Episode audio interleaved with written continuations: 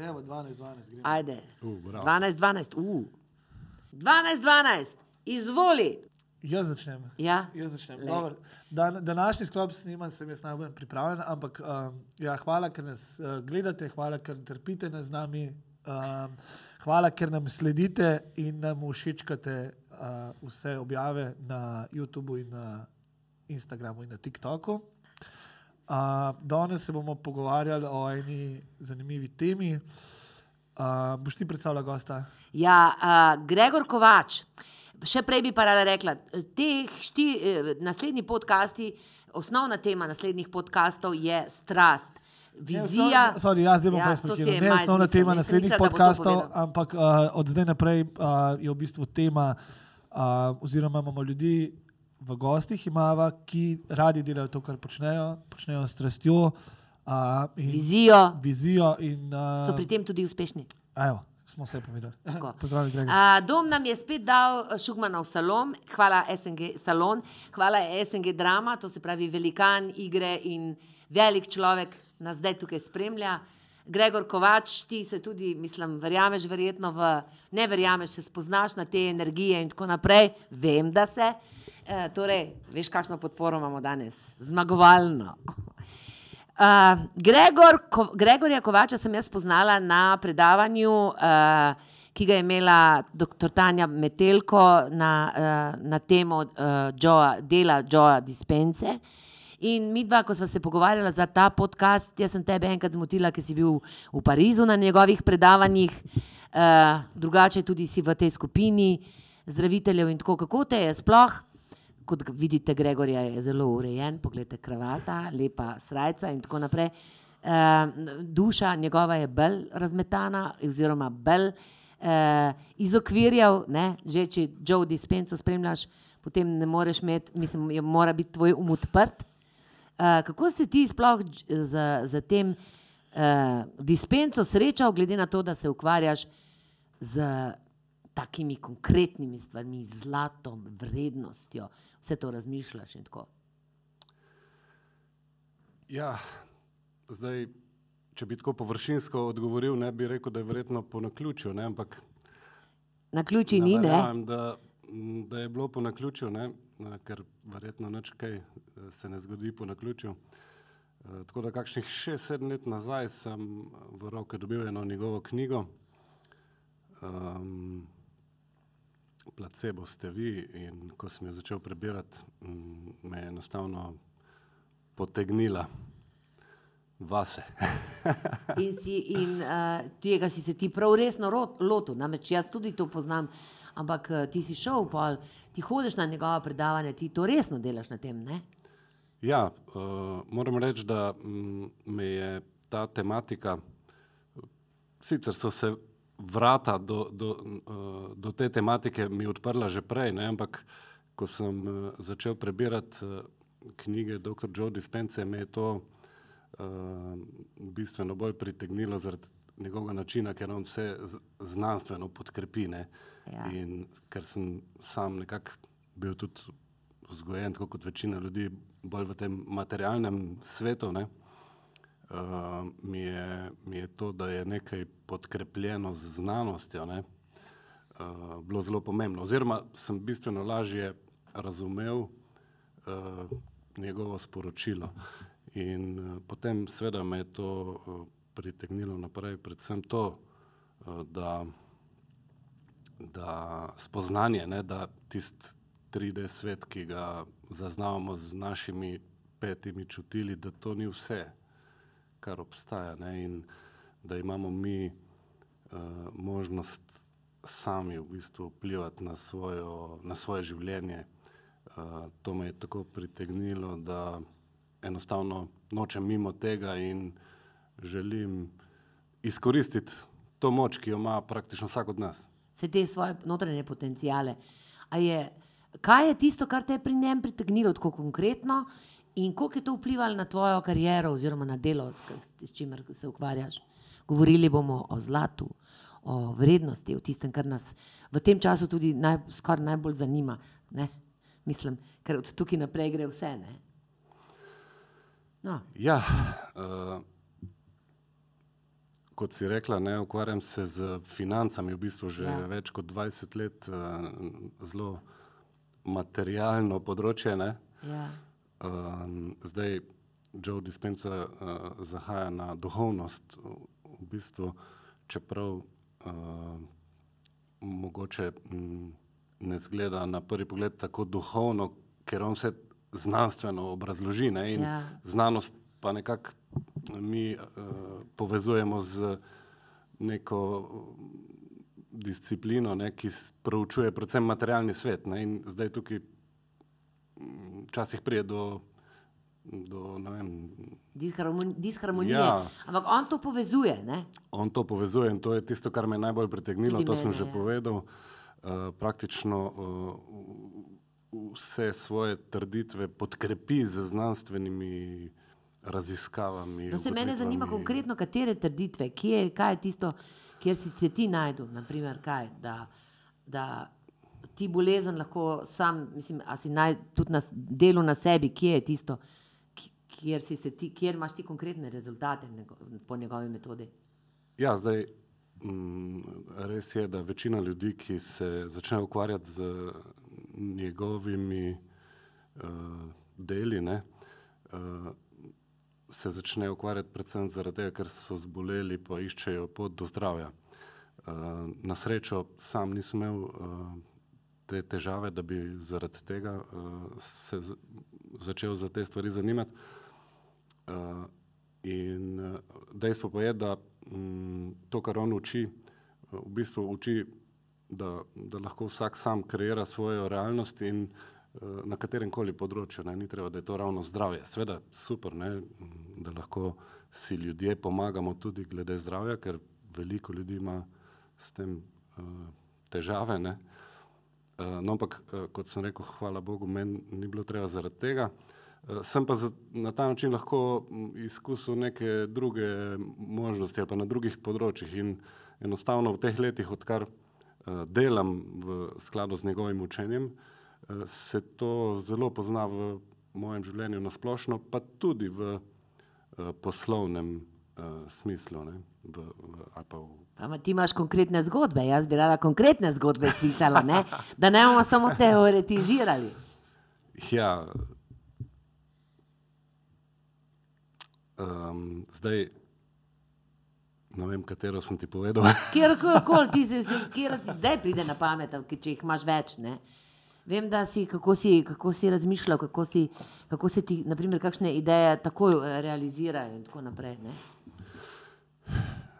Ja, recimo, ne, zdaj, če si me že tako izvala, ne, uh, bom povedal en primer. Um, namreč uh, dr. Joe Dispenza ima tudi eno meditacijo, takšno vodeno meditacijo, ki se imenuje Tuning into New Potentials, m, s katero v bistvu se nastaviš na nek nov potencial, ki si ga zamisliš. Ne, in če to počneš v kvantnem polju, sprav, ko si povezan z kvantnim poljem, potem se to lahko m, manifestira v naši eh, realnosti. Ne.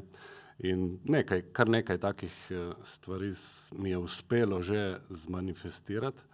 No in mm, nekega dne uh, sem razmišljal o čist poslovno, ne, v, v našem podjetju je promet nekoliko padel, nekaj manj se je dogajalo v prodaji, jaz pa sem odgovoren za prodajo v našem podjetju.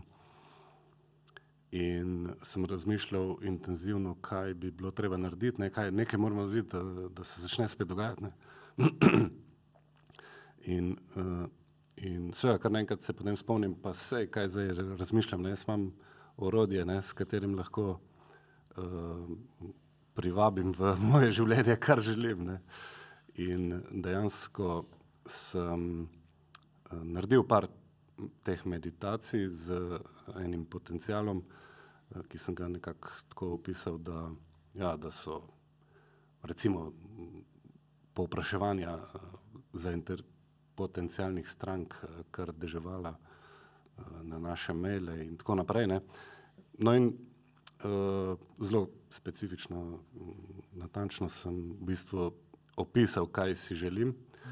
Uh, par teh meditacij sem naredil, to je bilo nekje septembra, oktobra uh, tistega leta, uh, dve leti nazaj. Recimo, ne.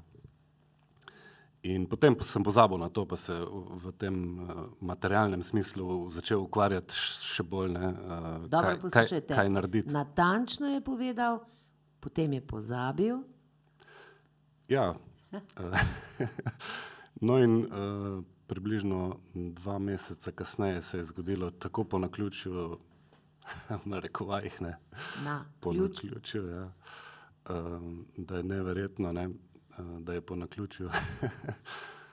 Nekaj, bil sem v bistvu gost tako v eni v takšni oddaji in uh, čist ne prodajno usmerjena oddaja, ampak uh, uh, ljudje so uh, izkazali takšno zanimanje za uh, to, kar smo tudi omenili ne, v tisti oddaji, glede naložbenega zlata, da se je dejansko začel dogajati ne, točno tako, kot sem si zabeležil, da si želim dogajati. Ne.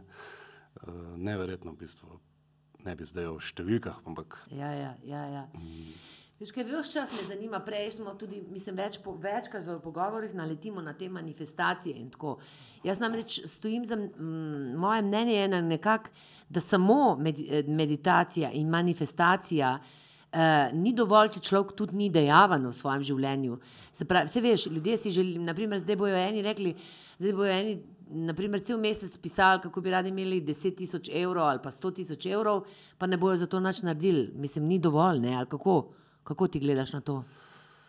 Uh, ja, podobno se pravi, dejstvo je, da smo mi uh, del tega materialnega sveta, tudi naša pojavna oblika je, ne, imamo telo, se pravi, nek, smo, obstajamo tudi v materialni obliki, ne samo, ne, ampak tudi v materialni obliki in uh, mišljeno je zagotovo, da smo aktivni v tem materialnem svetu. Ne. Um, Sveda zdaj, m, ko povezujemo ta duhovni uh, del, pa materialni del, uh, jaz mislim, da je treba najti neko razmerje, ne, nek balans med enim in drugim, uh, ker mi smo vse to. Ne. In uh, tako je tudi moje prepričanje, recimo, da ni m, č, uh, treba, da bi človek bil duhoven, da se zapre v eno jamo v Himalaji, pa 20 ur na dan meditira. Recimo, Ja. Mislim, da to ni prava pot. Ne. Mi smo le na tem svetu z nekim namenom ne. in mislim, da je prav, da ta namen najdemo in ga udejanimo ne. v tem tridimenzionalnem svetu. Seveda tudi kot duhovna bitja, ne. tudi kot energetska bitja in tako naprej. Ampak um, ja, predvsem mislim, da je, da je tudi ta balans najbolj pomemben Ta, ta, ta, ta ravnovesje. med enim in drugim. A si ti, ti sam sebe doživljaš kot strastnega človeka, ne glede na to, da si tako miren, pa tako stabilen, zgledaš, da jaz se doživljam tako, ko ti verjameš, ko si ti nekaj odločiš, je to to, ne? Ali kako, kako bi ti to opisal? Ja, lahko bi rekli, da ko me ena tema začne zanimati, da, da grem do konca. Ne. Lahko bi temu Kako pa si rekel. prišel do tega naložbenega zlata? Ja, Kaj te- Kaj te bo to uporinilo? Um, to pa pred praktično več kot 20 leti sem uh, se začel ukvarjati z financami.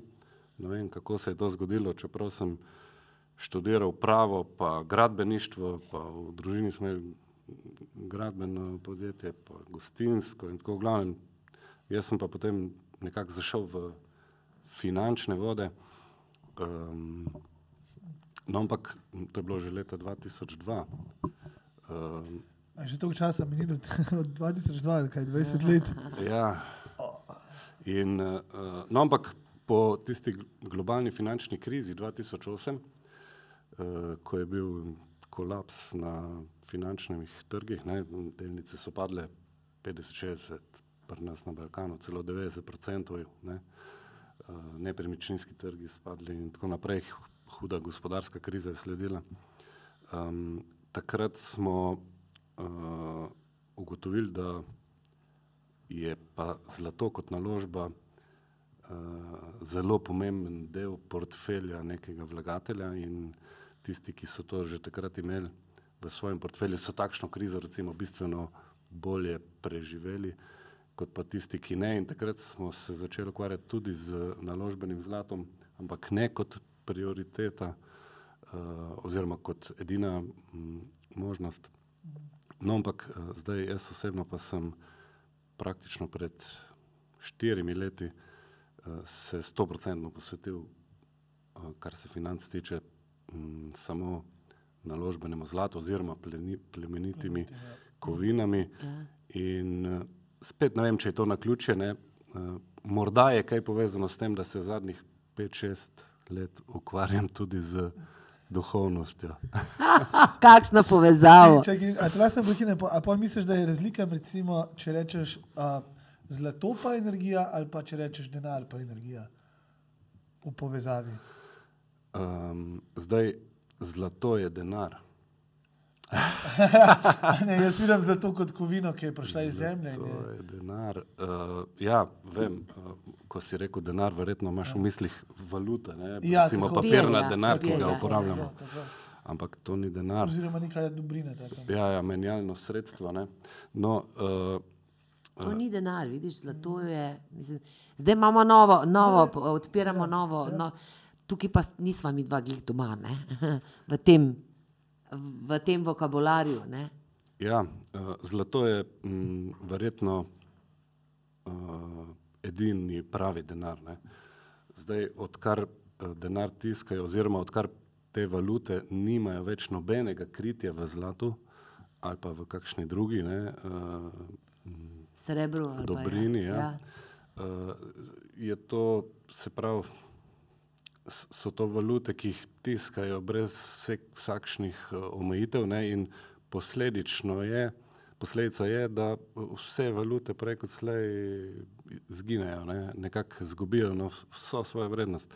Uh, in, in, in celo umrejo, če tako rečemo, ne, in nastanejo nove. In, uh, bila je ena raziskava narejena, uh, vse valute do zdaj, ki so uh, že propadle, ne, um, te tako imenovane fiat valute, to so te mm. valute, ne, ki nimajo nobenega kritja.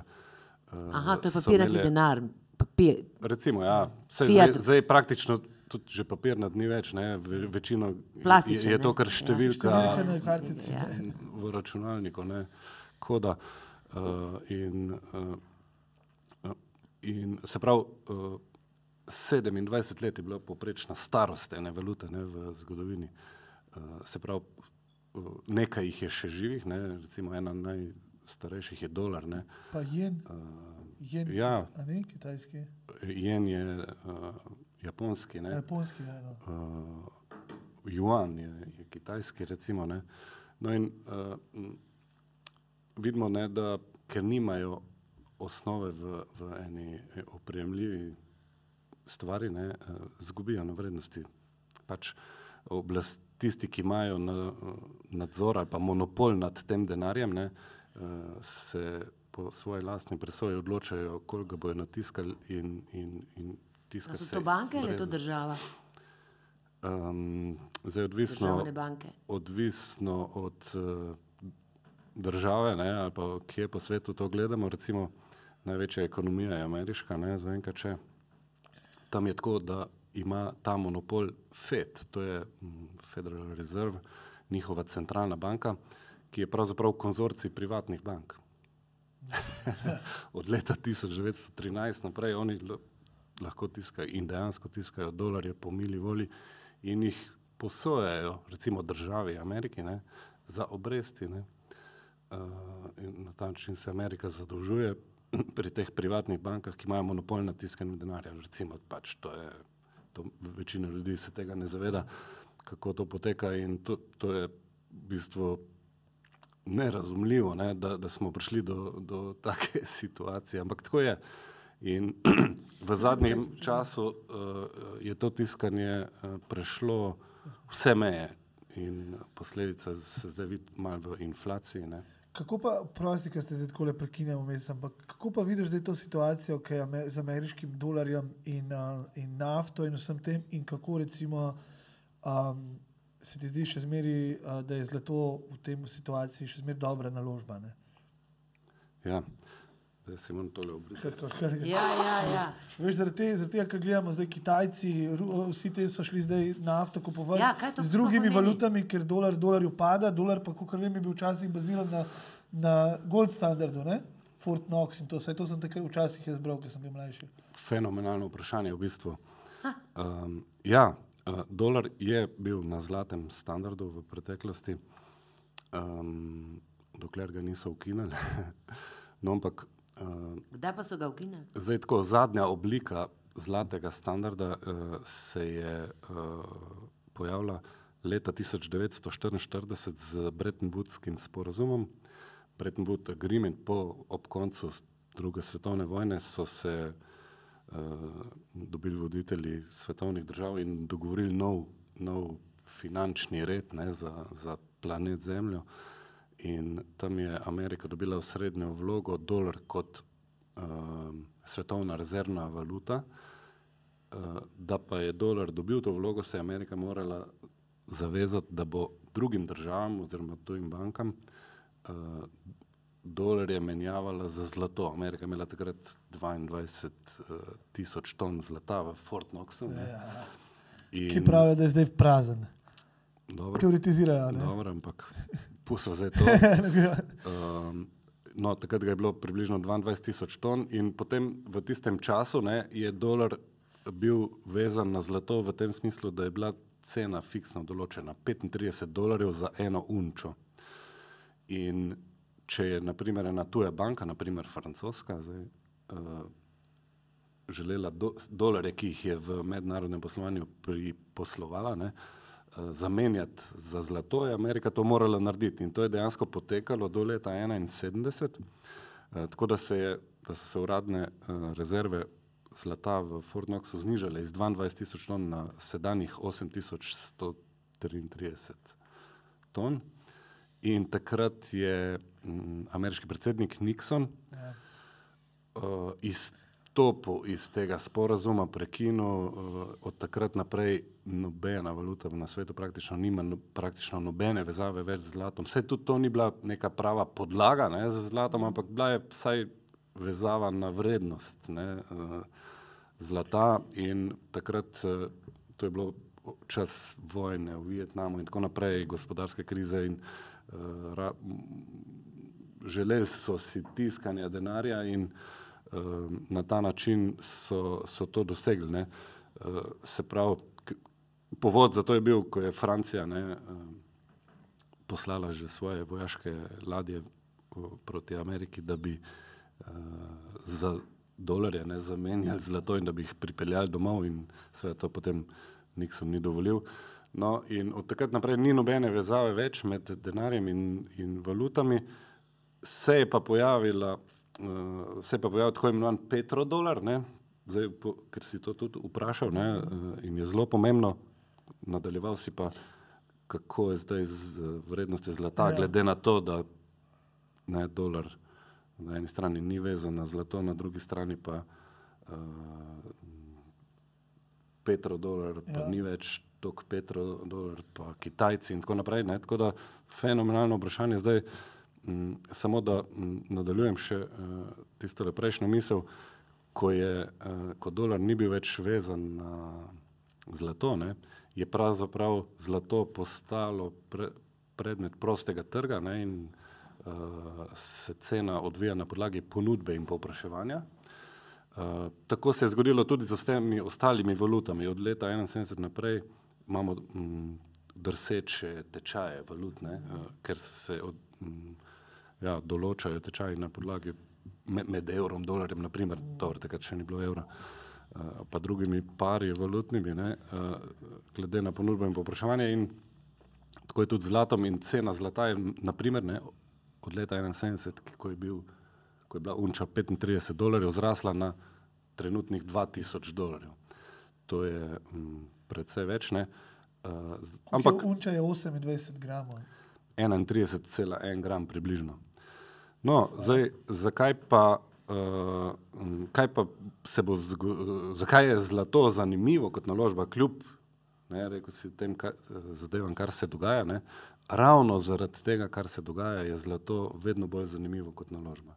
Na eni strani imamo visoko inflacijo, seveda posledica tiskanja denarja, več kot je denarja natiskanega, manj je vreden, logično, ne? zlata se pa ne da tiskati. Ne? In uh, zato ohranja, najmanj kar je, ohranja realno vrednost skozi čas. In... Se pravi, ta 2000 neki dolarjev, recimo, vsaj za unčo. Jaz te prosim, ko Boga, če ti poveš čisto zgodbo, ki je mene, na primer, res prepričala. Ja, sem jaz sem to do konca videl. sem boš povedala, ne ja. zato, ker sem tudi, jaz, uh, ker to je zdaj tudi pereča tema, trenutno, ja. ne. A veš, kam narediti, inflacija se dogaja, um, um, Kitajci, se pravi, BRICS, države BRICS so, so skenslale uh, dolar, nafta se ne prodaja več za dolar. Um, dolar je pa najmočnejša valuta, pravi. Zato me zanima, uh, sploh iz, iz, iz pogleda naložba, naložbe, Se, Kako se to vidi? To, podobno sem hodila. Eh, podobna je ta zgodba naprimer, za avto, ki si ga imel 1918, ali da je si tisti Ford avto, ta primer, ko si kupil avto. Ja. No, to povej. Ja, to zgodbo boš videl, pa ti bom mislim, da od, odgovoril. Ne bo še čisto odgovoril, ampak bo. Je, pa, ne, je ja. pa to super primer, kako zlato ohranja, ali pa celo več kot ohranja realno vrednost. Ja, Namreč, Leta ja. 1908 je Ford začel serijsko proizvajati avtomobile ne? in takrat je bila cena za en Ford T uh, 850 dolarjev. Ne? Se pravi, zdaj že imamo malo občutka, koliko je včasih dolar bil vreden ne? In koliko je danes veliko manj vreden. Ne? Kljub tehnološkemu napredku, ne? se pravi, avto bi moral bil, biti vedno bolj cenej, ja. uh, vedno cenejši, uh, je pa bistveno, bistveno dražji. In uh, uh, dolar je od leta sicer 1913, ne, odkar je FED dobil ta monopol za tiskanje denarja, ne, uh, zgubil že 97% svoje vrednosti. Ne. In uh, no, danes je, uh, se pravi, 850 dolarjev, ne, uh, takrat je bila unča 20 dolarjev. Ja, ja poznaš zgodbo. Se pravi, 42,5 unč zlata ne, uh, si moral dati za en avto. In zdaj, če bi ne, moj dedek je takrat živel, recimo, ne, če bi imel 850 dolarjev, bi si lahko kupil avto, lahko bi pa uh, si kupil 42,5 unč zlata, to je približno kilo 300. Ne. In če bi zdaj v en predal, ne, Dal, s hrano ja. 850 dolarjev, ne, bi jaz imel srečo danes, če bi jih našel, ne, da so dolari, ker so še vedno veljavna valuta, ker če bi skoraj katero koli drugo takratno valuto.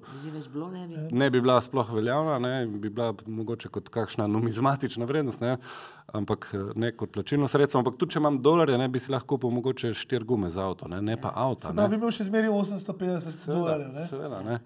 En Ford je pa, pa zdaj 30 tisoč dolarjev. Ne. To se pravi, če bi pa dal v predal zlato. 42 in pol unč zlata, ne, ja. krat 2000 je unča, se pravi, koliko je to pa. Je dosti za še enega Forda. Ne? 85 tisoč dolarjev. Ne? Se pravi, si lahko ne samo enega Forda, ampak mi stane še 55 tisoč dolarjev. Se pravi, vidimo, da je skozi čas ne, zlato ne samo ohranjalo realno vrednost, ampak celo pridobivalo na vrednost. Vsi vemo, da penzije zelo verjetno ne bomo imeli, zato me pozorno poslušaj. Si že kdaj razmišljal o tem, kako lahko svoje finance zaščitiš pred ekonomsko nestabilnostjo? V in da zlato ima rešitev za te zlato.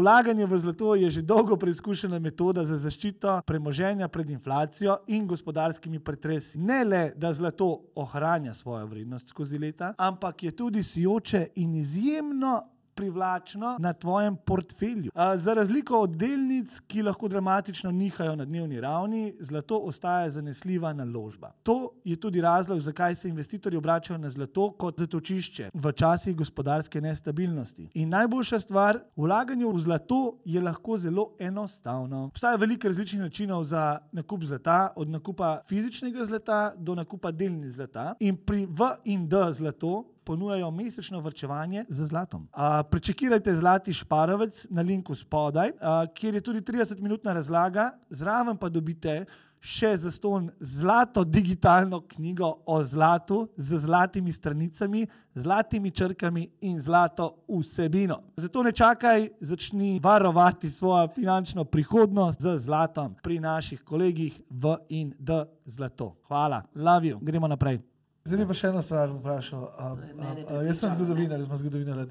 Se pravi, Um, kako je bilo pa potem med, med, med recesijo v Ameriki? Je bilo pa tako, da se pravi, so morali pa, kot vem, jaz sem ta, ta, sem ta podatek, vem, mi boš mogoče več razložiti. Se pravi, so morali pa vsak človek, ki je posedoval kaj iz leta, so je prišla država in ti je pobrala z leta, razen ne vem, koliko so ti postili neki malga bižuterije ali pa čist malo naložbenega. Ne? Zato, da so potem oni izravnali. A zdaj, ki smo, ki so off the gold standard, se to še zmeraj zgodi ali je to no, no. Eh, Teoretično se vedno lahko to zgodi, ne? se pravi, oblast nima meja, ne? pa norost tudi ne. Um, ampak si pa težko predstavljam zdaj v teh razmerah, no, da, bi, da bi se kaj takšnega zgodilo. Uh, ne računam s tem. Uh, je pa teoretično seveda možno. ne. Uh, zdaj, kaj se je takrat zgodilo? Pravzaprav No, to me zanima. Ja. 1933 je uh, Amerika sprejela zakon, po, so, po katerem so prepovedali med zlato v lasti, razen eno unčo na osebo. Uh, in vse ostalo so morali prodati državi, kar so imeli, po ceni 20 dolarjev na unčo. Ko so to pobrali ljudem, so jim seveda izplačali, ni zdaj tako, da so jim zaplenili. Ja, ja, Ja, Se pravi, so jim Nekaj dalje. dali za to, ne, rec, recimo, da je bila to tržna vrednost. Ne? No, ampak takoj zatem, ko so ta postopek uh, končali, ne, so, uh, je, cena zlata zrasla na 35 dolarjev za unčo. Ne? To je ne vem, 40 odstotkov, uh, je čez noč praktično cena zlata zrasla. Um, in spet je, za, spet je šlo za to, da se kot pri vsaki krizi da se premoženje večine ljudi preteče v premoženje manjšine. In tisti, ki so že prej bili zelo bogati, tisti en procent, recimo, ne, ki, ki, ki že tako ima več kot 90% vsega premoženja, ga ima še več. Ne. In to se pri vsaki krizi zgodi brez izjeme in, in, in, in kot kaže, ne, spet tudi te krize niso čisto naključene. Uh, in, um, Zdaj smo definitivno v eni krizi. Ne? Ali pa, Ja. na, na, ali pa na pragu. zdaj, če govorimo o ekonomski krizi, potem niti trenutno še nismo.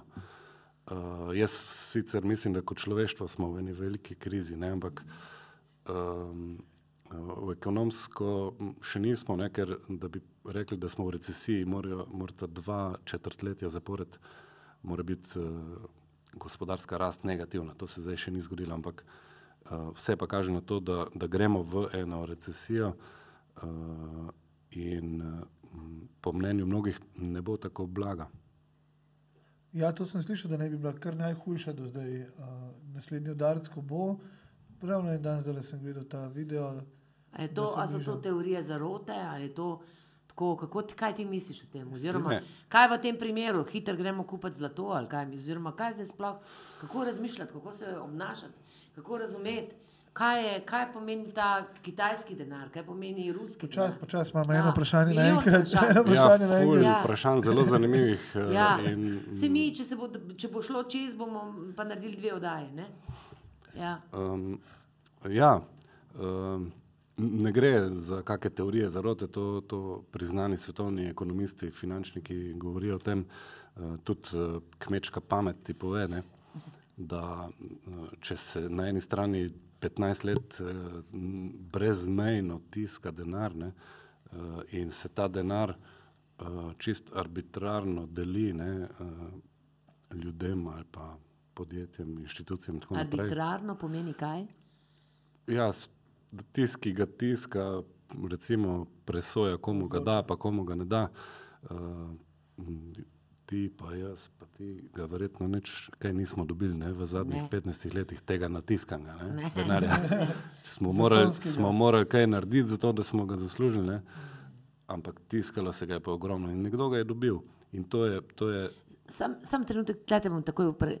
To se pravi, tiska se denar in nekdo, se pravi država ali pa ne, pač tisti, ki tiska denar. Mislim, tako bi zelo rada konkretno jaz sprašujem, tako, a veš, da bomo mi ljudje razumeli. tiska, država tiska denar. Ne Ne? država. ti Kdo tiska denar? Fed. Banka? Fed. Fed. Centralna banka. Centralna banka. Centralna banka. sestavljena iz privatnih bank. In kje je Tako je v sestavljena iz Ameriki, privatnih recimo zdaj v bank? Evropi Ja, pa ne, načeloma govorim ni zdaj v tako. Evropo, Aha, na primer. okej.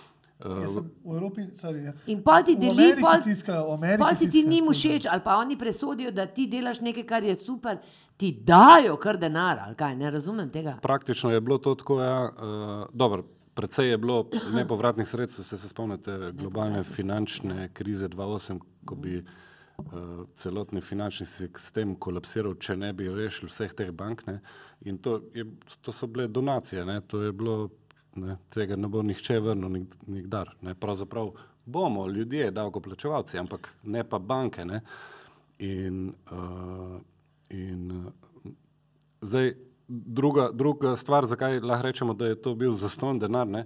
zaradi tega, ker so obrestne mere bile ničene ali pa celo negativne. Ne? Sej, ok, si je nekdo sposodil denar, ne, se pravi, načeloma, če si sposodiš, ga je treba enkrat vrniti, ne? ampak si si sposodil denar po negativni obrestni meri. To pomeni, da so ti dajali še vsako leto nekaj, zato ker si si sposodil denar. Ne? Mislim, No, to je- takega kredita jaz nisem še videla. Seveda ne, in, in ga tudi verjetno ne boš. Ne? Uh, ampak nekateri pa so ga. In to so nore količine, ne? nore količine denarja, ki so prišle v obtok, ki so na eni strani povzročile še večji razpad med tistimi, ki imajo veliko in tistimi ostalimi. Ne? Uh, in uh, seveda zdaj mal posebna zgodba je bila v času korona krize, ne? ko so naredili totalni lockdown, zaprli malo gospodarstvo, uh, ljudem, veste, kaj vse so nam delali. Ne? In uh, tak, takrat je pa celo prišlo do tega, da so tudi ljudem nekaj dali, ne? v obliki nekih subvencij, pa nadomestil, pa tako naprej. Uh, in, uh, ampak nekaj se morajo dati, da smo lahko eh, tolerirali vse, kar so delali z nami. Ne? Ja. No in, uh, posledice so zdaj v vis, visoki inflaciji. Posledice so, uh, se pravi, posledica je, da uh, je nenormalna zadolženost držav po vsem svetu, podjetij in tudi gospodinstv, se pravi posameznikov. Uh, in to do take mere, da enostavno ni več vzdržno. Ne? Miselnost v, zadnjih desetletjih, bi lahko skoraj rekli, je bila, da ni noben problem, da se lahko tiska denarje, kot je treba, mislim, kot si ga želimo, da se lahko zadolžujemo, kot hočemo, pa itak ni treba vračati denarja, ker si novega natiskamo in tako naprej. Ne? In da bo to šlo v nedogled, ampak to ne gre v nedogled in zaradi tega veliko ljudi pričakuje uh, hudo krizo, uh, da se enostavno vse te anomalije mm, ja, počistijo iz sistema, pa Resetirajo. nek, nekak, da se to resetira. Ker to so krize, ne, v bistvu krize, recesije, ne, do katerih pride, uh, so ravno to, da tiste uh, nezdrave prakse, uh, da, da se jih očisti iz sistema. Ne. Uh, da propadajo podjetja, ki morajo propasti, ker nimajo zdravih temeljev, in da tiste zdrave podjetja delujejo naprej. Ne. Zdaj pa uh, zadnja kriza je bila po letu 2008, ne. Uh, do zdaj so jo odlagali s tem norim tiskanjem denarja ne, in zalaganjem uh, gospodarstva s tem denarjem. In dlje, ko v bistvu že zelo dolgo ni bilo recesije, ki bi očistila sistem, ne, in zdaj bo treba pač veliko očistiti. Ne, tako nekako, če, če po kmečko uh, rečem. Uh, bo se pa, mislim, Se pravi, bomo, se bomo, se pravi, bomo kar imljani zakopavali zlato za bajta zdaj. Ne, mislim, kaj mi, navadni ljudje, lahko naredimo. Naprimer, uh, uh, jaz sem slišala že ideje, oziroma tudi ideje, ker, je- ker so ljudje jezni. Namreč mi brez bank itak ne moremo ve- nič funkcionirati. Ti ne moreš dobiti plače brez banke, penzije brez banke, mi ne moremo brez tega sistema, v katerega smo očitno upeti, sploh funkcionirati. Ne? Lahko bi, lahko bi banke odprli, ki bi bile drugače vodene, kot so. Obstaja ene par dokumentarnih filmov na to temo. Ampak zdaj bomo strokovnjaka vprašali. Ja, um, situacija je, je takšna, da pač trenutni finančni sistem temelji na, na bankah ne, uh, in pa na tem tiskanju denarja. Zdaj um, obstajajo teorije mnogih uglednih strokovnjakov, tako da ne govorim o kakšnih teorijah zarote, ne, ampak Ja, ja, pač ja, o ja. teorijah, ne, ki, ki, Se pravi, ki, temeljijo na znanju, ki izkušnjah, na predvidevajo statistiki. Ja, in na dejstvih in tako naprej. Ja, na dejstvih, ja. Uh, uh, ki, ki pa predvidevajo, da se bo situacija še nekoliko zaostrila, kar se tega tiče. Namreč uh, 114 držav po vsem svetu je že v procesu uh, uveljavljanja tako imenovanih digitalnih valut centralnih bank. Uh, se pravi, ideja je, uh, da, bomo, da ne bomo več imeli papirnatega denarja, ne? ampak da bo vse na denarnicah v telefonih. In uh, to bo m, verjetno predstavljeno, to je zdaj ta teorija. Se pravi, to, kar sem zdaj povedal, je res, to ni teorija. 114 držav že to dela, že res. nekateri so že, že imajo pilotne uh, projekte, že končane, ko so testirali, recimo Kitajci, uh, pa zdaj Avstralci, pa tako naprej. Južna Amerika, neki Venezuela, nisem rekel, neki so imeli tudi. To, pa, Bitcoin to je pa druga zgodba. Ja. ja. Mm, El. El Salvador, ki, Ja. je, ki je Bitcoin uh, vzel za uradno valuto, ampak to so pa zdaj že čist druge Ja. okej. Uh, ne, tukaj gre pa za, za digitalne valute centralnih bank. Ne, se pravi, uh, kaj to pomeni? Ne? Da ne bomo imeli več papirnatega denarja. Ne? Ker zdaj, dokler še imamo papirni denar, če imaš ti 100 evrov v žepu, nihče ne ve, da jih imaš v žepu. Ne? Če jih daš meni, pa če sva sama nekje v sobi, ne? nihče ne ve, da si mi jih dala, pa da so zdaj pri meni. ne. Ko, bo, ko pa papirnatega denarja ne bo več, bo pa šlo iz mojega denarnice na tvojo in to bo zabeleženo. In, in v vsakem trenutku bojo vedeli za vsako transakcijo.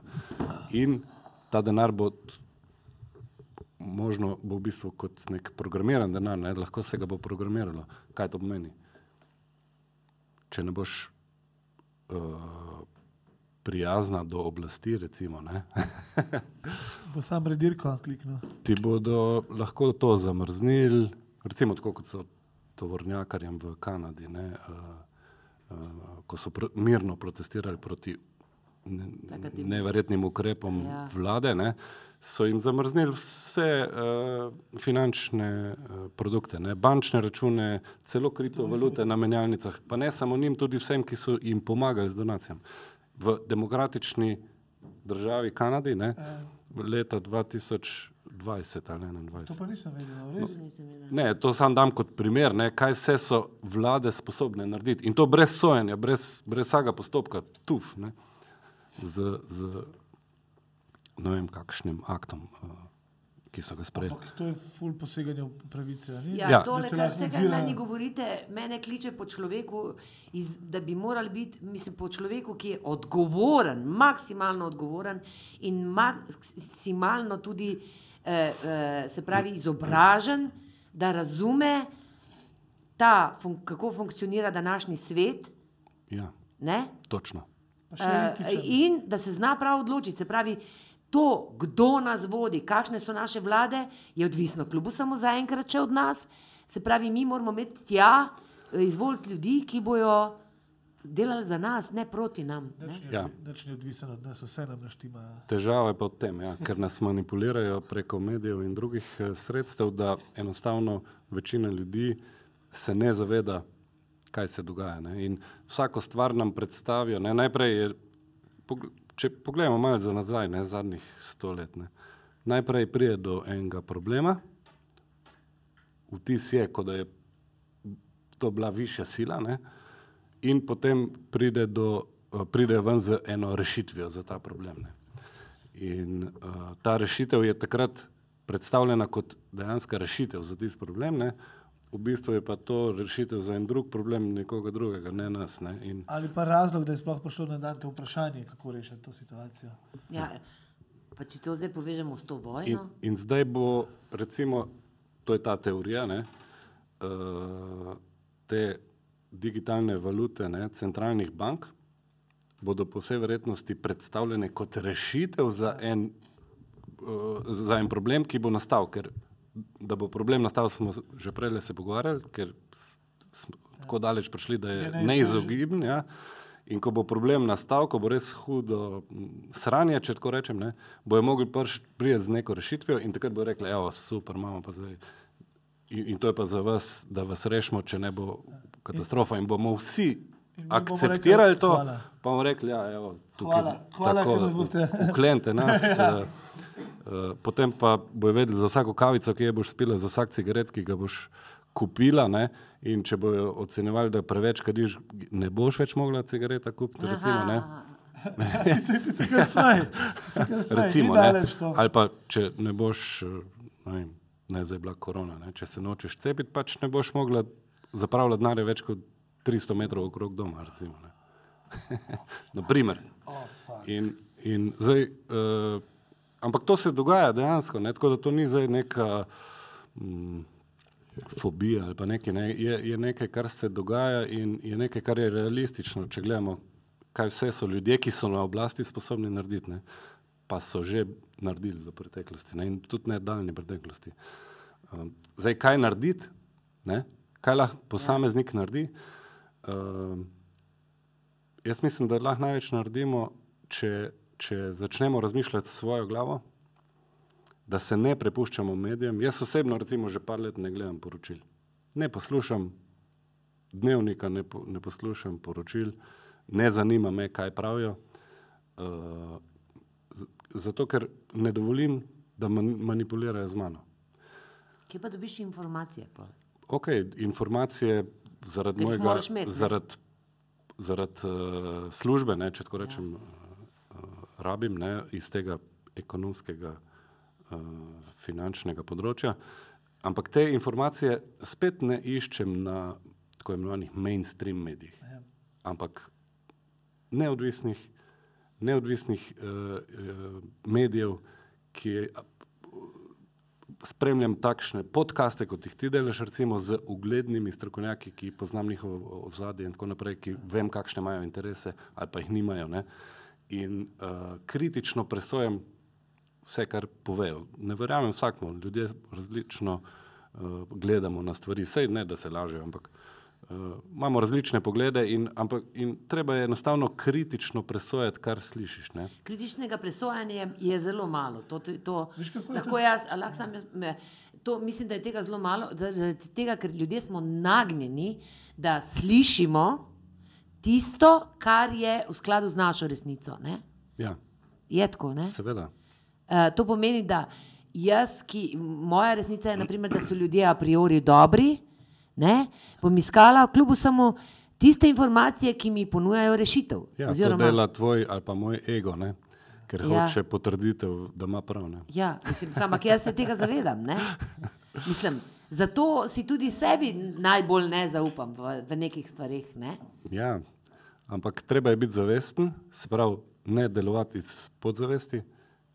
Nažalost je tako, da poprečju 95% časa. delujemo iz podzavesti. Ja, torej, zato se treba truditi in biti čim več časa zavesten. Se pravi, ne mislim zdaj pri zavesti, ne, ampak da zavestno razmišljamo, da smo v tem trenutku, ne, ja. eh, in da se ne prepustimo tem podzavestnim prepričanjem, ki nas vodijo. Ne. So pa, so pa bi rad pohvalil, da, si- da, da, da si omenil, so zelo pomembni ti neodvisni mediji in v tem času, ko živimo, se mi zdi, če gledaš tako, kot delamo mi podcast, recimo, če bi jaz gledal podcast danes, bi se pozanimal, kdo si ti, bi se pozanimal, kje dela, kako dela Torej, bistvu- pridružite se nam, uh, uh, Ja, ne, bomo ampak veseli. Ne, jaz govorim o tem, kako, kako recimo, če ne gledaš poročil, imaš ti eno uro cajta, ki bi pravi, vsak dan eno uro časa, ki bi jo posvetil poročilom, lahko posvetiš temu, da raziščeš nekoga, ki se ti zdi kredibilen, pogledaš vse zadje in potem lahko začneš njemu slediti. Tako. Na socialnih omrežjih, uh, independent media v Ameriki uh, v, raste, zato Mhm. ker so to posamezniki, ki delajo, so delali za ston, zato da so se pozanimali iz prvih virov, recimo o vojni, tej, ki govorimo, vsi govorimo o vojni. Tudi mi živimo od donacij, se pravi najno delo, predvsem No, dobro, zmajanje, mi- več midva- ali manj. Midva ne, živi, mi ne živimo od donacij, podcast živi od donacij. Pod- per podcast. podcast živi od donacij um, in imamo pol še tudi razne merchandise, ki so za goste in za nabaviti. in Ampak tako, ljubiteljsko. Ja, no, ampak, ampak ja, ampak to je to, recimo, meni se tudi zdi absolutno nenormalno, da bi kdo še poročila gledal po samo temu, kar. kar uh, sem, če se malo raziščeš, jaz tudi nimam niti kabelske televizije doma že zadnjih sedem let, ker, ker te tako, tako vodijo, da, da je sam strah. Ne. no, ampak kljub vsemu, če gremo v skladu z mojo neko Da tole, eh, vero v dobro, v človeka, v, pozitivne, eh, pozitivno eh, rešitev. Kaj, kaj je torej zdaj pot ven, kakšna, kar se tiče denarja, imetja? Jaz si res tudi ne želim, da bi naredimo- meni vse kontrolirali. Mislim, lahko jaz pa eno vprašanje za, za Jakata, da bo lahko izrezal. A bi ti nam zdaj povedal, prosim, glede na situacijo z državami BRICS-a, um, konkretno, um, kam se najbolj splača investirati uh, denar, zato da ne bo zginil? Ja. Zdaj, lahko dam čisto enostaven odgovor, ampak eh, zdaj, če bom tako rekel, brez neke utemeljitve, bo izpadalo, da sem to rekel zato, ker zlato prodajam. ne. Seveda, No, ampak da zlato, ne. Ja, odgovor, pa, pa, pa, pa razložim. Odgovor je v zlato, ne. A kaj pa srebro? ja, tudi. To tudi. se bi to bi te tudi pol še vprašal. Tudi. nekaj. Uh, zdaj, ampak zakaj gre, no, da bomo razumeli pri, pri BRICS, pa pri dolarju, pa petrodolar. Ne?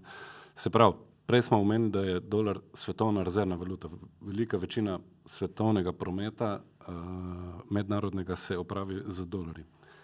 Praktično vse svetovni promet v, uh, z nafto se je opravil v dolar, zato se mu reče petrodolar. Ne? In uh, ta sistem je dolarju zagotavljal konstantno povpraševanje iz vseh držav, pra- ki mednarodno poslujejo, in zato so oni si lahko privoščili toliko tiskane denarja. Se pravi, In kaj se je dogajalo? Ne? Oni so ga tiskali iz nič, drug del, eh, cel svet ne, je pa moral vem, prodati nafto, da je dobil dolare, ki se jih on iz nič natiskali. Mislim, to je katastrofa. Ne? Pač. In to seveda že dolgo časa ni bilo všeč marsikomu na tem planetu. Ne? Ampak ni bilo, ne, neč se nekaj takega zgodilo, se govori malo o tem, da je dolar premočen in tako naprej, da bi bilo fajn, da bi bila še kakšna druga valuta, ampak mm, je, je bila Amerika preveč dominantna in s tem dolar. No, kaj se je zgodilo lansko leto, ne? Uh, Ukrajina, uh, vse te sankcije proti Rusiji uh, in Amerika je uh, celo zaplenila kompletne devizne rezerve Rusije v obliki dolarjev. Ne? Sveda, to, kar so imeli v obliki zlata, niso mogli, ne? ampak kar je imela Rusija v obliki dolarjev, kar pa rabi za mednarodno poslovanje, ne? okrog 650 milijard dolarjev so jim zamrznili, pač vzeli, ne? enostavno, uh, kot sankcije. Ne? Zakaj pa nisi pridn? ne? In se pravi, dolar je postal kar naenkrat orožje v vojni. Ne? In to je pa se mi zdi izbilo dno, ne, sodu. In te, ta skupina BRICS, ne, Brazilija, Rusija, Indija, Kitajska, Južna a, Afrika. Afrika. In zdaj se množično hočejo pridružiti še druge države, ne, uh, ne vem, Egipt, Turčija, Iran, Saudska Arabija, Združeni Arabski Emirati. Uh, Ta močni, v glavnem, ja, igravci. In uh, oni imajo zdaj, je pa to javno že, ne, uh, se komunicira, uh, prej s- je bila sam teorija, da, da delajo na tem, zdaj pa to javno ko, sami komunicirajo, da delajo na usporedni svetovni rezervni valuti, ki bo alternativa dolarju, da bodo lahko države med sabo si prodajale karkoli pač uh, v valuti, ki ne bo dolar. Uh, zato, ker je preveliko tveganje med dolarji, ker če nisi pogodil v Ameriš, Ameriki, ti ga pač vzamejo. Ne, pač, to je, ne. In, uh, in to je zdaj, se pravi, ta zgodba. Zdaj, seveda. In, in to se je zdaj že začelo dogajati. Ne. Saudska Arabija recimo, ne, je, je že povedala, da so pripravljeni sprejemati tudi druge valute, ne samo dolar, čeprav so bili temu zavezani, ne, ne vem od katerega leta, ne, več kot 50 let. Uh, in uh,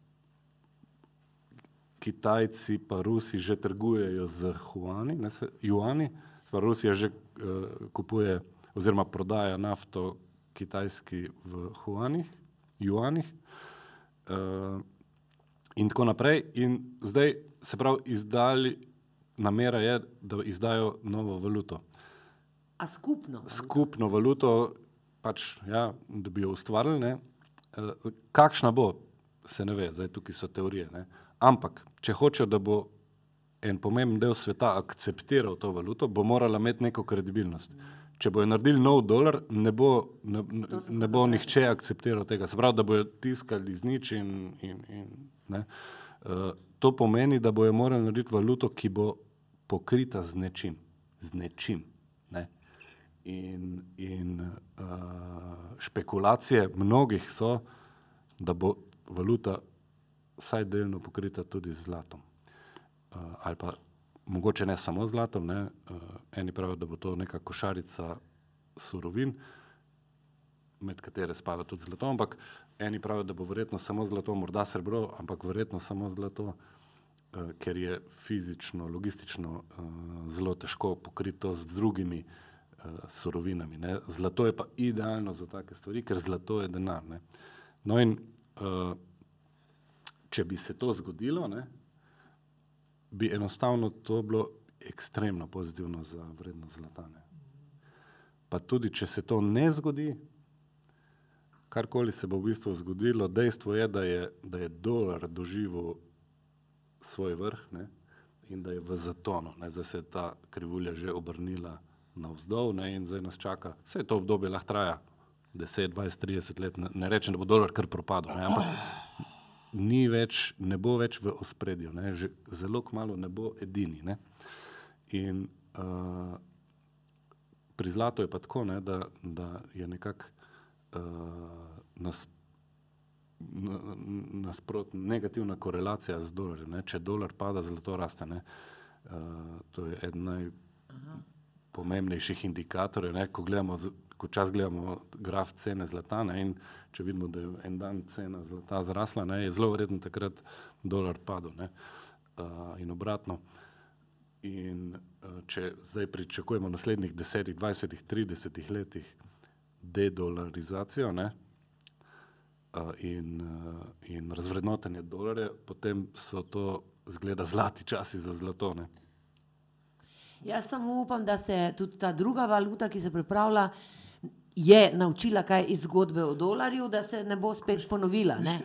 Ampak samo to, da, da mi ne bo z glave šlo. Jaz, ko zdaj te poslušam, in glede na to, da sem jaz tako rekoč, da me čakajo, uh, da me čaka upokojitev in tako naprej, in da me je zdaj prvič v življenju začelo eh, zanimati, kaj pa se bo zdaj zgodilo s to, ko bo jaz plače ne bom imela in tako naprej. Pa, pa, pa vse te govorice, da ne bo več, da, ne bo, da mladi ne boste imeli eh, Penzije. penzije in tako naprej.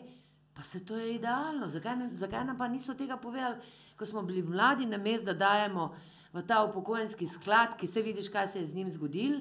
In tako naprej, bi vsak mesec si kupili zlato, in pa bi jaz danes mogoče imela, ej, mislim, bi me ne bi tako, se ne bi to upokojencem zgodilo, kar se jim je, da so jim vzeli, mislim, da je to manj vredno, oziroma da komi živijo, bi že nekaj skrb spravili. Če zlat, vrednost zlata pa raste. Ne? Ja. Zdaj, mislim, To mladi, da vse, dajte kar- razmišljati tako. Vse, kar si povedala, je, je drži. Ne? Uh, zdaj, o- vmes si pa vprašala, zakaj nam tega niso povedali. Ja. Ja. Kaj pomeni, če bi, na, če bi naprimer, je kje država, ki reče, dajmo reči tako, dajmo v to v zlato šparati, dajte vsak mesec pede, koliko ne vem, koliko damo za, za, za penzion, vsak mesec ne vem, ampak verjetno dovolj, da bi se to v teh 40 letih nabrali. Nažalost ne. Uh, zdaj, zakaj je temu tako? Ne? Nobeni državi, zdaj, ko rečem država, tukaj mislim ljudem, ki jo vodijo. Ne? Ja, ja. Se Prav, no, nobeni oblasti v nobeni državi ni v interesu, da bi ljudje bili uh, samostojni, da bi bili neodvisni, da bi bili finančno neodvisni, ker pol jih ne moreš voditi. In zaradi tega nikoli v zgodovini ni bilo, da bi, da bi ljudi učili, kaj je treba delati. Ne. Vedno nas zapeljujejo tako, da smo nevedni, da smo ovce, ne, hipnotizirani strani medijev, uh, da delamo tako, kot njim paše, ker pa nas lahko pač. To zdaj zveni kot teorija zrota, ampak dejstvo je, tako, to je dejstvo. Ne, Tudi uh, izobraževalni sistem, če pogledamo, ne, kaj nas izobraževalni sistem uči. Ne. Po bistvenih stvari v našem življenju nas ne uči. Ne. Pa, pa ne moremo reči, da vsi ti doktori znanosti, pametni ljudje, ki obstajajo, ne vejo tega. Ne. Seveda vejo, ampak to ne sme priti med ljudi, ker če bomo ljudje preveč pametni, preveč zavestni, ne, če bi vsi izklopili televizijo, ne, pa nehali eh, šopingirati po, po uh, šoping In- centrih in in tako naprej, ne, pa bi imeli eh, zlato na mest papirna denar. Ali pa bitcoin, recimo, ne, potem kar naenkrat izgubijo vso moč. Lahko Prvič, sem nekaj jaka, kdo- jaka, a država lahko ti preveriš, preveriš na, na, na, na Googlu, ker meni se zdi, zadnjič sem nekje zasledil, da celo beseda ekonomija izhaja iz uh, latinske besede, ki pomeni uh, veda o, kako že, o pomankanju. Vedel o pomankanju. Ja, to sem No, znašel ti poglej, jaz, pa samo, jaz samo vem, da je država bila ustanovljena, oziroma smo si ljudje iz- izmislili državo zato, da v skupnosti skrbimo drug za drugega, se pravi, da, imamo, da, da, se, da lažje imamo šolo. Se pravi, tako je to, država je nastala iz družine, to, kar je nekoč te potrebe, ki je po- pokrivala družina, z industrijsko revolucijo je nastala država. Se pravi, kje, so, kje je zdaj to, kdo, kdo si zdaj zmišljuje, kako mi moramo živeti. Se imamo, mi moramo najti moč, v, v, mislim, se pravi, konkretno zlato je moč v svojih rokah. To je finančna moč. To je finančna moč. Zadnje, zadnjih 12 let, praktično od finančne krize naprej, države kot so Rusija, Indija, Kitajska, Brazilija, Saudska Arabija, Turčija, nenormalno kupujejo zlato in polnijo svoje devizne rezerve. Veste, da ima vsaka država Ja. svoje devizne rezerve in da imajo en del od tega tudi v zlato. Ne? In zdaj eh, zahodne države, ne, pomembne, gospodarsko močne, imajo veliko zlata v svojih deviznih rezervah. Recimo Amerika smo prej omenili 8133 ton, kar predstavlja skoraj 80% vseh njihovih deviznih rezerv. Ne. Druge države, recimo, nekatere niso imele toliko, vključno z Rusijo, Kitajsko, ampak to se močno spreminja. Ne. In zadnjih dobrih 12-13 let uh, intenzivno kupujejo, kopičijo ogromne količine zlata. Uh, in to je tudi eden od indikatorjev, ne, uh, zakaj mnogi mi, uh, verjamejo, da se bo oblikovala ena nova rezervna valuta, ki bo imela podlago v zlato. Ne. Zakaj bi Kitajska, pa Indija, pa Rusija toliko zlata kupovali kar tako, ne. Zato da jim nekje leži. Ne. Ni, ni to kar tako. Ne. To, je, to je dejansko finančna neodvisnost in enako velja lahko za nas, za vsakega posameznika. Ne. Ja, sej, če gledamo inflacijo, ne, to je nek, vse čas je neka inflacija, včasih malo manjša, včasih malo večja. Ne, eh, pravijo, da je normalna inflacija idealna 2%, ne, ampak tudi če je samo 2%, ne, nam vsako leto vrednost denarja pade za 2%, iz leta v leto. Ne. Zdaj smo imeli uradno, že več, imamo, še kar imamo več v Sloveniji, več kot 10% inflacijo. S tem, da te uradne številke ne, nimajo nič opraviti z realnimi številkami. Uh, vidimo, koliko so se dejansko stvari, ki jih uporabljamo v življenju, podražile, ne samo za 10%. Ne. Pravi, za več. In kaj to meni?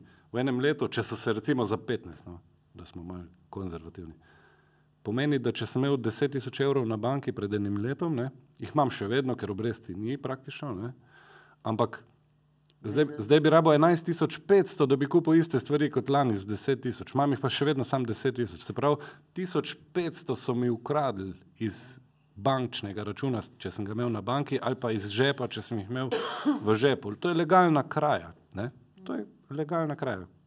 To ni, da je prišlo, da je to višja sila. Ne, to je tiskanje denarja. ne. Se Pravi, oni tiskajo denar iz nič, s tem ga na, našega, ki ga imamo, razvrednotijo. To je kraja, to je obdavčitev, bi rekel, obdavčitev, za katerega ni treba zakona. Če imaš zlato, ne, ohraniš realno vrednost. Ampak koliko je pa obda- obdavčeno, koliko je pa obdavčeno za to? Ja, To je pa v bistvu neverjetna zgodba, ne, ampak ni. Ni. Ampak verjetno zaradi tega, verjetno-. Ampak kako vrčevati v zlatu, da zaobideš, naprimer, če hočeš ta bančni sistem, oziroma da, naprimer, če drugo leto uvedejo samo kartice, kaj boš pa ti imel zlato, ker bojo pol kljub samo, kje boš. Če boš- uvedejo, to je, je, je konc. Se pravi, ni, ni več možno. Trenutno je še možno kupiti zlato z denarjem, pa da ne vejo, ja. da si ga kupil. Ali Ne? pa tudi na koncu, koncu s kartico, lahko tako kupiš, ali ne? Ali kaj? Ne, se mam je Ja. ja. mislila, po mojem, kako je pol uh, nasploh z zlatom, če, če je tako, da, da, se, da gre vse na digitalno. Ne? To Ja, sem mislila. da ne moreš ničim drugim plačati, kot kar Pa Sej, boš, mislim, kaj ima se boš lahko tudi zlato uh, kupil z digitalno valuto. Ne? Sam Ja. ja. bojo vedeli, da si kupil. To je pač, ne, zdaj, če te moti. Ja, recimo, ja. ne. Ja, ja. Uh, trenutno še ne vejo. Ampak Drugač pa normalno. bo. drugače bo pa isto, vse bo pač valuta. Ne? Sam da bojo imeli veliko večji nadzor nad nami, pa, pa da bojo lahko z nami delali, kar bojo hoteli. Da, da ti bo denar programiral, ne? zakaj je uporaben, zakaj ni, pa kdaj je, pa kdaj ni. Ne? Aha, se pravi, pol, če boš imel recimo zakopano zlato, karikiram, uh, pa je digitalna valuta, pa sem priješ v zlatom, prodaš, da biš digitalno valuto lahko. Ja, To je jaz si predstavljam, da bo, da bo tako. Ja. Simple. Lahko boš pa direktno kupil nekaj z zlatom, recimo, ne? ampak to bo v manjših primerih. eh, Ne vem, boš kupil. Kako, kako, kako pa ti, mislim, kako je to pri tebi, vidim zlatice kin, ti si izdal tudi knjigo digitalno, se pravi o tem znanju. Mi, mislim, znanje je moč, informacije so je moč, eh, zdrava pamet, eh, kritična distanca. To je v bistvu je treba biti zdaj v teh časih resnično maksimalno odgovoren, Ja. uh, sploh mladi ljudje. Ne? Jaz sem zdaj že več ali manj, mislim, mi starejši lahko sploh še kaj si zlatom pomagamo, z varčevanjem. Ja, zdaj tako, Vnukom pomagamo. Ne? seveda.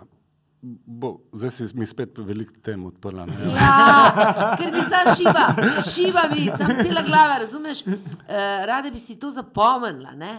Res je, kar praviš, in zato smo mi izdali eno e-knjigo o, o zaščiti in plemenitenju premoženja. Um, to knjigo smo ponudili našim strankam brezplačno, več kot 5000 slovencev si je že preneslo do zdaj, zelo pozitivne odzive imamo, tako da tudi tvojim sledilcem jo bomo ponudili brezplačno. V, v... To se pravi, vsi, ki gledate ta, uh, ta podcast, dobite dostop do brezplačne, brezplačen dostop do te knjige. To bomo vse napisali. In, uh, In kaj je tam noter, ti, ti razlagaš? Uh, ravno to, kar, je, kar, je, m, kar ne razlagajo v, na Pop TV ali pa na TV Slovenija. ja. Ja. Uh, se pravi, kaj treba, na kaj treba biti pozoren in kaj lahko naredimo, da se zaščitimo pred vsem tem. To je recimo na kratko. Zdaj, omenila si uh, možnost vrčevanja v zlato. Ne? Mi smo uh, prvo slovensko podjetje, ki smo že januarja leta 2010 ponudili v Sloveniji možnost vrčevanja v fizičnem zlatu, v obliki zlatih ploščic, uh, priznanih svetovnih kovnic, kot je tale Argor Hereus iz Švice, ki imajo tako imenovan good delivery status. Ok, da ne grem zdaj preveč To, v so- to, detajle. to smo že enkrat dali čez, to je bil eden izmed naših prvih podcastov. Tudi o zlatu, ker me to res zanima. Mislim, ker je, zdi se mi, da je premalo v zavesti. se, se je bilo tudi na drugačen način, smo se pogovarjali. Ja, drugačna smo- malo filozofija. To teorijo smo, to, to teorijo smo dali. Okay, okay. Se pravi, uh, možnost mesečnega vrčevanja od 50 evrov naprej. Uh, v fizični obliki, se pravi, ne nek papirnat denar, ke, uh, zlato, ampak fizično zlato, ki je hranjeno v Sloveniji, v Ljubljani, No, na je- dosegu roke. Ja, ker če je nekje tam v Švici prije do česa, kako si do Švice prišel, bodo tisti. Ne, na, mislim, ja. Se že tako pogovarjamo. Ja. Ko ti preprečijo, da greš v drugo občino. Ne? Ja, v trgovino okay. Ne moreš. Uh, se pravi, uh, in naš, kaj je bila naša ideja? Enostavno, vsakih 50, 100, 200, 300 evrov, ki jih na mesečnem nivoju ne zapravimo, ne, jih dajmo šparati, vrčevati. Zdaj pa, da ne šparamo v, doma v predalu ali pa na bančnem računu, kjer ni obresti ali pa ne vem, na, preko življenjskega zavarovanja, ko so tudi relativno slabi donosi. Ne. Ja. To je vse v bistvu denarni, eh, de, uh, ja, denarno premoženje, ne, ki zgublja na vrednosti skozi čas. Dajmo vrčevati v nečem stvarnem, stvarno premoženje. To je recimo ena pomembna sestavina te e-knjige, deli, da znamo deliti med denarnimi vrednostmi in stvarnimi vrednostmi. Ne. Denarne vrednosti izgubljajo na vrednosti zaradi tiskanja denarja, stvarne vrednosti ohranjajo vrednost, ker so stvarne. Ne. In zlato spada med stvarne vrednosti. Ne, in, uh, nekdo, ki. Zdaj pa, zadnjih 20 let, če pogledamo, je zlato zraslo uh, skoraj 9% v povprečju na leto. Ali pa zadnjih 50 let podobno povprečni letni donos. Ne? In če ti šparaš, tudi če sam 100 evrov, recimo, ne, dovolj dolgo dobo, ne, potem pride do super rezultatov. In ko se ti nabere neka količina zlata, ki ima neko vrednost, ne, in greš v penzijo in rečeš, ok, tole, kar mi je država zdaj dala, je premalo ne, za človeka dostojno življenje, jaz rabim še nekaj zraven. Ne, in da se ti ni treba uh, naslanjati na sina, recimo, ne, da ti bo pomagal. Ne, imaš tam en, en kupček zlatih ploščic, ki jih lahko prodajaš. Ne, in si lahko mesečno rento, celo pri našem podjetju, eh, daš izplačati. Ne? In uh, recimo zdaj, to je seveda odvisno, koliko časa vrčuješ, pa kakšen znesek vrčuješ, pa tudi kakšna bo donosnost zlata. Ne? Ampak recimo, če nekdo pri, pri 40 letih začne vrčevati, pa špara 25 let, ne? uh, bi vplačal 30 tisoč evrov. Ne? Pri 8% donosa bi imel več kot 90 tisoč evrov, se pravi zlata za več kot 90 tisoč evrov. To ti pa omogoča okrog 700 evrov mesečne rente, ne glede na to, koliko časa še boš živa. Pa še fura je, da ne glede na to, da ti se pravi mesečno rento tisto, kar pa ostane gor, se pa še plemeniti v bistvu. Ne?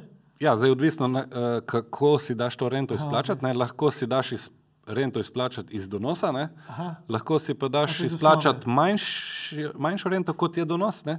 Pa se ti bo glavnica še plemenitla. Ne? Lahko pa tudi večjo, pa se ti bo glavnica počasi, Ja. pač to je tudi to bolj stvar našega svetovanja, pa tudi vsake. Ves čas razmišljam, ne vem zakaj. Zakaj ne bi naprimer, Mike, to na nivoju Mike, države delali, mikrofon, oziroma ali pa nekih na mikrofon.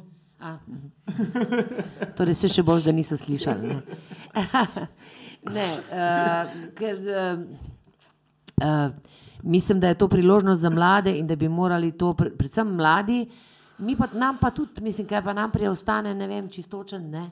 Je zdaj tako, mi imamo zelo veliko tudi starejših strank. Ja, Za, sploh zadnja leta, neverjeten porast ljudi, ki so tik pred penzijo ali celo v penziji že. To so ljudje, ki imajo neke penzije, se niso bog kaj, ampak so še, ne? trenutno jih ljudje uh -huh. dobivajo. Če sta dva, recimo v enem gospodinstvu, pa imata solidne Ja, penzije, ja. lepo lahko živite, lahko vrčujete. In mogo, mogoče še kdo pri močeh zdrav, agilen, tako kot boš ti, recimo, boš delala ja. še 20 let, sigurno. ja ne? sigurno. Ja. Se pravi, še nekaj dodatno zaslužijo in, in, in vrčujejo. Zakaj vrčujejo? Zase. Seveda tudi za vnuke, otroke in tako naprej, pa za njihove šolanja, pa, pa stanovanja. Pa tako. Ampak tudi zase, ker kdo pa pravi, da čez 20 let ne boš rabila denarja? Morda ga boš rabila več kot danes. Ja. Ne? Zakaj, recimo, si pa ne bi prvošla uh, eno super potovanje takrat, ko boš, ne vem, stara 80 let? Ja, ali Z, pa, z Elonom Maskom na Mars mogoče. no. ja, ja. Da, ja, recimo, ne, okay, lahko, re, lahko gremo tudi bolj negativne vode, ne, recimo, moraš iti v dom. Ne.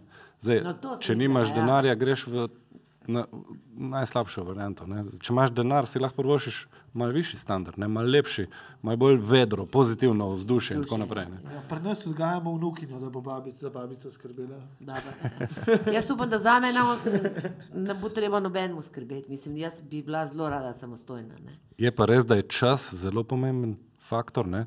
In prej, ko se nekdo odloči za takšno vrčevanje, več bo lahko ustvaril. Ne? Se pravi, en tak faktor je čas, ne? ker obrestni, obrestni račun dela po času ne? in je to je eksponentna funkcija. Ne? Daljši kot je čas, prej sem rekel, recimo v 25 letih bi imel prek 90 tisoč našparanega, v 30 letih. Ne? Se pravi, če bi samo pet let prej začel šparati. Ja. Samo 6 tisoč evrov več bi dal, če bi po 100 evrov šparal. Ne? Ampak bi imel 50 tisoč evrov več na koncu, privrčevanega. Ne? Ja. Toliko pomeni ta čas. Ne? In drugo je pa seveda tudi znesek. Ne? Se Pravi, Ja, ja. če šparaš 100 evrov, so ti zneski, ki sem jih zdaj rekla, če pa šparaš 200, so pa krat dva. Ne? Ja, mislim, da je to izjemna priložnost za vse te Mikrofon, v vas, mikrofon. za vas mlade, ki uh, naprimer, da uh, uh, varčujete v zlatu, predvsem zaradi, ker vas danes penz, uh, penzioni nič ne zanimajo, 100 evrov na mesec vam ne bo težko dati, ampak zgleda, da pa in potem imate. Ne? Se pravi, ni, ni tako, da nam ni za penzijo, samo že od kar sem jaz začel delati za svoj denar, govorijo, da mi ne bomo imeli penzije. Ja, no, Tako da mi- Meni meni niti nikoli ni bila predstavljena druga možnost, kot da ne bom imel penzije. In sem šele zdaj začel razmišljati, da mogoče bi jo pa lahko imel. Seveda. Sam sem jim od 17 let naprej govoril, ti vi penzije ne boste imeli. pozabil si reči, da si moraš sam poskrbeti. Ne? Ja, in zdaj, ko gledam, ne, zato sem zdaj ravno, ravno Emi, suge, uh, sem ravno Emi sugeriral, ker že zadnjič, ko je bil uh, um gospod uh, Prnama, kako je že s, slabšak, ne, uh, sem rekel, da bom začel tudi uh, kot darila podarjati. Se pravi, zletnike, namesto da kupaš nekomu za 50 evrov stvar, To to. ki vemo, ali bo porabil ali pa vrgel stran, mu za 50 evrov kupaš zlato, zdaj pa če ga bom zdaj prodal, če ne pa ga lahko da na svoj kupček in s tem se pravi vrčuje. ne. Ja. Uh, tako da zdaj sem zagotovo v tem in, in, in Ema, ja, kam boš dala, prihra, kam boš dala prihranke? Kaj pa zdaj? zlatice kin, kaj pa je to? Um, misliš, kakšni kovanci? Ne, tu, vi imate en projekt zlatice kin, ne? A ja, Šparovec, z- šparovec. No, to je ravno to, kar sm, smo zdaj govorili. To je način vrčevanja, pri katerem se vr, kupuje zlato. Ne. Ampak je Aha. mišljeno dolgoročno vrčevanje. Zdaj, jaz bi predlagal, glede na to, da m, ni to namen današnji, ne, eh, da bi podrobno to predstavljal. Uh, bi, bi predlagal, da ponudimo uh, tvojim gledalcem eno video prezentacijo našo, to je dobre pol ure traja. V tisti video prezentaciji jaz predstavim praktično vse, kar mora eh, nekdo vedeti uh, o zlatu, preden se odloči za nakup zlata. Uh, zve, kako je bilo z zlatom v preteklosti, kakšne so napovedi v, za prihodnost in tudi natančno, kako izgleda naša ponudba, vključno z zlatim šparovcem, za koga je to primerno, za koga ni primerno, kaj lahko od tega pričakuješ, kaj ti lahko prinese ob določenih pogojih. In, um, um, predlagam, da si tiste, ki pač jih to zanima, da si to video prezentacijo ogledajo. Tisti, ki si jo bodo ogledali preko tega linka, ne, če ga bomo nekako uh, dali Ja, v link bomo dali, to bomo vse povedali. Link bomo A, dali. v- poslušaj, poslušaj, darilo, darilo. Ja, ja, Poslušaj. evo, evo. Ja, Tisti preko našega linka, seveda. uh, bodo lahko izkoristili poseben 35-odstotni popust 35% bo boost. Ne? pri sklenitvi tega mesečnega vrčevanja. Tako da avtomatično tisti, ki se bo na ta način prijavil, bo dal svoje podatke, ime, primek, pa e-mail, ne, kjer bo, kamor mu bomo tudi uh, video poslali, bo imel potem uh, to možnost. Hvala ti, hvala ti, iskrena hvala za to priložnost in predvsem tudi delite. Eh, poglejte si videe, mislim, to so pomembne stvari. Zelo pomembno je, da, da vsaj malo razumemo svet, v katerem živimo, ker edino na tak način bomo lahko ta svet tudi spreminjali. Ne? Ja. tako? Absolutno. Imamo še kaj za na koncu povedati, smo že pri koncu, Jake? O, v redu, v redu. Super smo, V redu. super smo zaključili. A, um, zelo sem vesela. Jaz, to je predvsem področje, ki ga jaz kar- nič kaj dosti dobro ne obvladam, vse vidiš. Jaz lahko živim od zraka. Tako sem vsaj mislila, ker sem bila mlada. Um, zdi se mi pa, da je znanje res z, največja moč, ne? znanje. Tega ti pa težko vzamejo. Ja, nikoli Pa tega ne mislim, morejo vzeti. mislim, da ne. mi je, meni je pa ful všeč, da se pogovarjamo o isti temi večkrat. Ja, Zato, ker se počutim, da vedno več znam. In se mi zdi, da, bi, da, da tudi to moramo večkrat narediti, kakšne take pogovore, se pogovarjati o isti temi. Da, Ja, jaz bi te še nam- povabila- na eno temo, glede na, na se pravi, finančno pismen, vs, vsakodnevna finančna uh, uh, znanje slovencev. Vse veš, tle imamo slovenci še vedno tudi tabu govoriti o denarju. Denar je na poen, jaz vidim vedno, bo, mislim, je na eni strani za slovenca nekaj groznega, se pravi nekaj umazanega.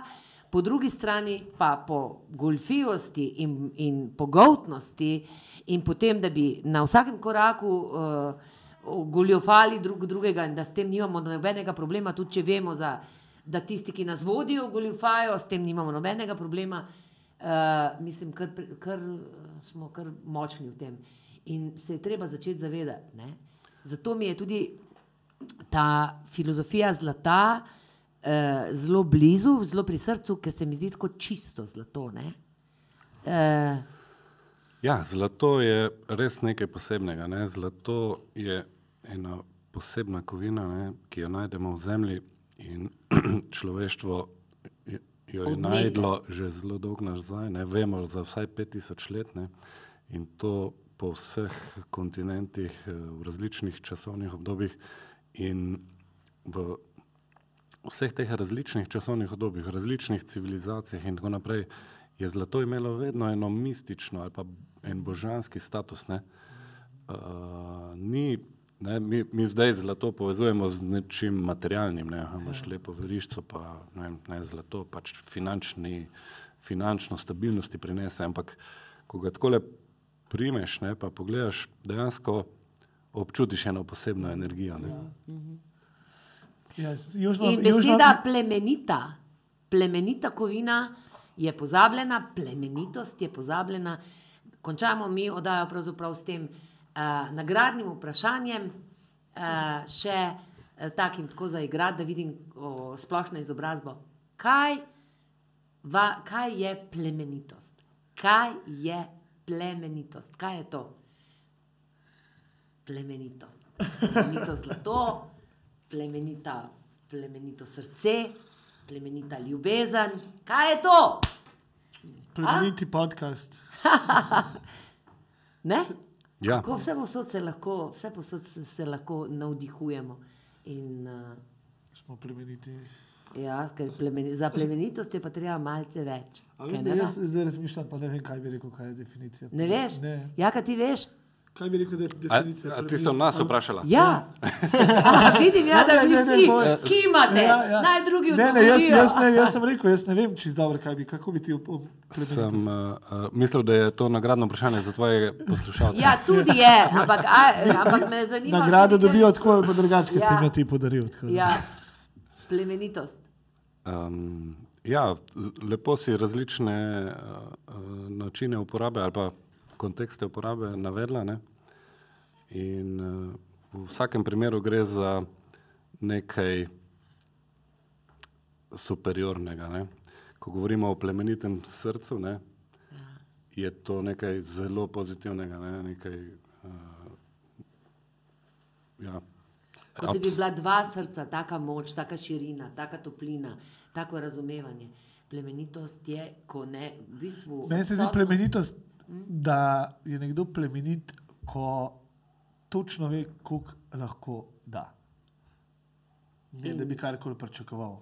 A, no, ja. Se pravi, Ja, se pravi da, se, zdi se mi, da ima plemenit človek super občutek uh, tega, koliko lahko da. Se pravi, to še zmeraj pomeni veliko, nežnost, pa tako, ampak to, da, da, da, da sebe ne potegne nazaj, se pravi, da se nikoli ne počuti, da je dal preveč.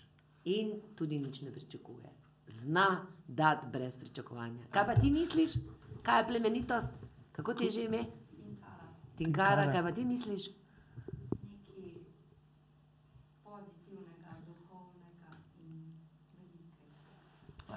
V redu.